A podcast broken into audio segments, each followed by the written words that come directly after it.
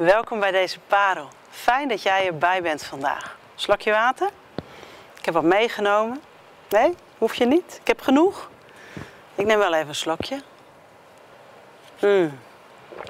Water. Wat kan dat lekker zijn? Wat kan dat verfrissend zijn? Deze parel gaat vandaag over water. Over een bron van levend water. Dus al dit water wat ik nu bij me heb, dat is eigenlijk helemaal niet genoeg. Ik dacht nog, ik neem gewoon een tuinslang mee, pomp mee, hup, ik gooi hem in het rijdiep en we halen levend water naar binnen. Maar nou, dat was misschien een beetje te veel van het goede. Weet je al waar we naartoe gaan? We gaan naar Johannes 7. In Johannes 7 viert het Joodse volk het Loofhuttenfeest. En God had gezegd, vier het. Elk jaar opnieuw.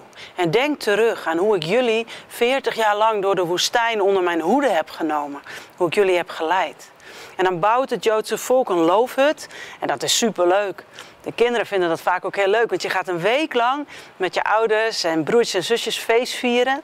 Buiten slapen, kamperen, eten, drinken, dansen, zingen.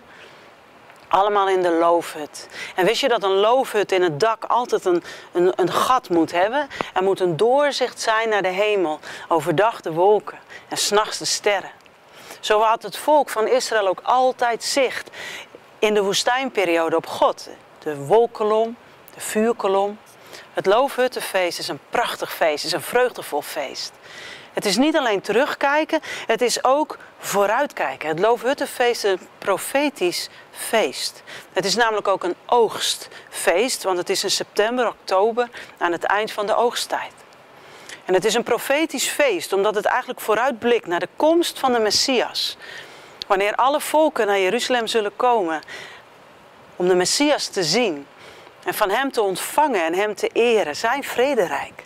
Het Loofhuttenfeest is een bijzonder feest. En in Johannes 7 lezen we dat Jezus incognito naar het feest is gegaan.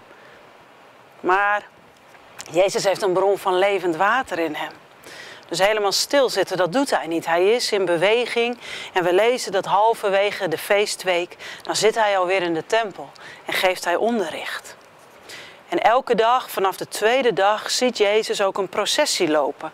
Van allemaal mensen. En een priester met een gouden kelk gaat voorop. En dan lopen ze naar de vijver van Siloam. En die vijver, daarin is geen dood water of stilstaand water. Nee, daarin is levend water. Want die vijver wordt gevoed door een bron, de Gihonbron, vlak buiten de oude stad. En dan komt de priester en terwijl ze dansen en zingen en al die mensen om hem heen staan, pakt hij die gouden kruik en hij giet zo water daarin. En hij zegt de tekst uit Jesaja 12, vol vreugde zullen jullie water putten uit de bron van redding, van heil. En dan lopen ze allemaal weer terug naar het tempelplein. En daar giet deze priester dat water uit in een grote zilveren schaal. En daar zit een gat in en zo komt het op het altaar. Het is een offer voor God. Ook weer een gebed om water, want het Loofhuttenfeest is aan het begin van de regenperiode. En water brengt leven, zeker in zo'n droog land als Israël. Dit tafereel gebeurt dus een aantal dagen lang. En de zevende dag is de, is de grootste feestdag van allemaal. En opnieuw trekt die processie aan Jezus voorbij. En dan houdt Jezus het niet meer. Hij houdt het niet meer. Hij staat op, staat er. En hij roept. Laat wie dorst heeft bij mij komen en drinken. Rivieren van levend water zullen stromen uit het hart van wie in mij gelooft. Zo zegt de schrift. Kom bij mij. Heb je dorst? Wil je levend water? Kom dan bij mij. Wat zullen al die mensen gedacht hebben die hem hoorden roepen en schreeuwen? Wat denk jij als Jezus dit zegt? Kom bij mij als je dorst hebt. En over wat voor bron heeft Jezus het dan? Nou, Johannes had al bedacht dat wij dat misschien ons zouden kunnen afvragen. En daarom zegt hij in vers 38, hiermee doelde Jezus op de geest, de Heilige Geest, die zij die in hem geloofden zouden ontvangen. De geest was er namelijk nog niet, want Jezus was nog niet tot Gods majesteit verheven. Het was nog geen Pinksteren geweest. Maar nu is het wel Pinksteren geweest. En als jij in Jezus gelooft, dan woont de Heilige Geest in jou als een bron van leven. En soms spreek ik wel eens mensen in deze tijd En dan zeggen ze, het is een beetje vlak. Ik ben een beetje dor, het is een beetje droog. Mijn geestelijk leven, ik mis de dienst, ik mis het samen aanbidden, ik mis, ik, ik mis het samen zijn, ik mis het ook. Maar weet je, in jou leeft de Heilige Geest als een bron van water. Sterker nog, rivieren, stromen van levend water wil Jezus uit ons voort laten komen doordat de Heilige Geest in ons werkt. Merk je daar wel eens wat van? Drink je uit die bron? Ben je daar ook mee bezig om te beseffen dat hoewel het dor en droog om je heen is, jij hebt in jouw leven een bron van leven. In jouw binnenste. Laatst was ik in het huis van gebed met een vriendin. We gingen samen bidden. We zongen een lied, heel oud lied. Heel grappig. Ik wist opeens de woorden weer, want hoe oud liederen ook zijn, dat weet je dan toch, hè? En het ging over in een nieuw lied, een niet bestaand lied. En de Heilige Geest bleef maar gebeden geven. En we voelden de kracht die uitging van de bron die in ons leeft. En dat maakt ons dankbaar en vreugdevol. De Heilige Geest brengt vreugde in ons leven. De Heilige Geest brengt aanbidding in ons leven.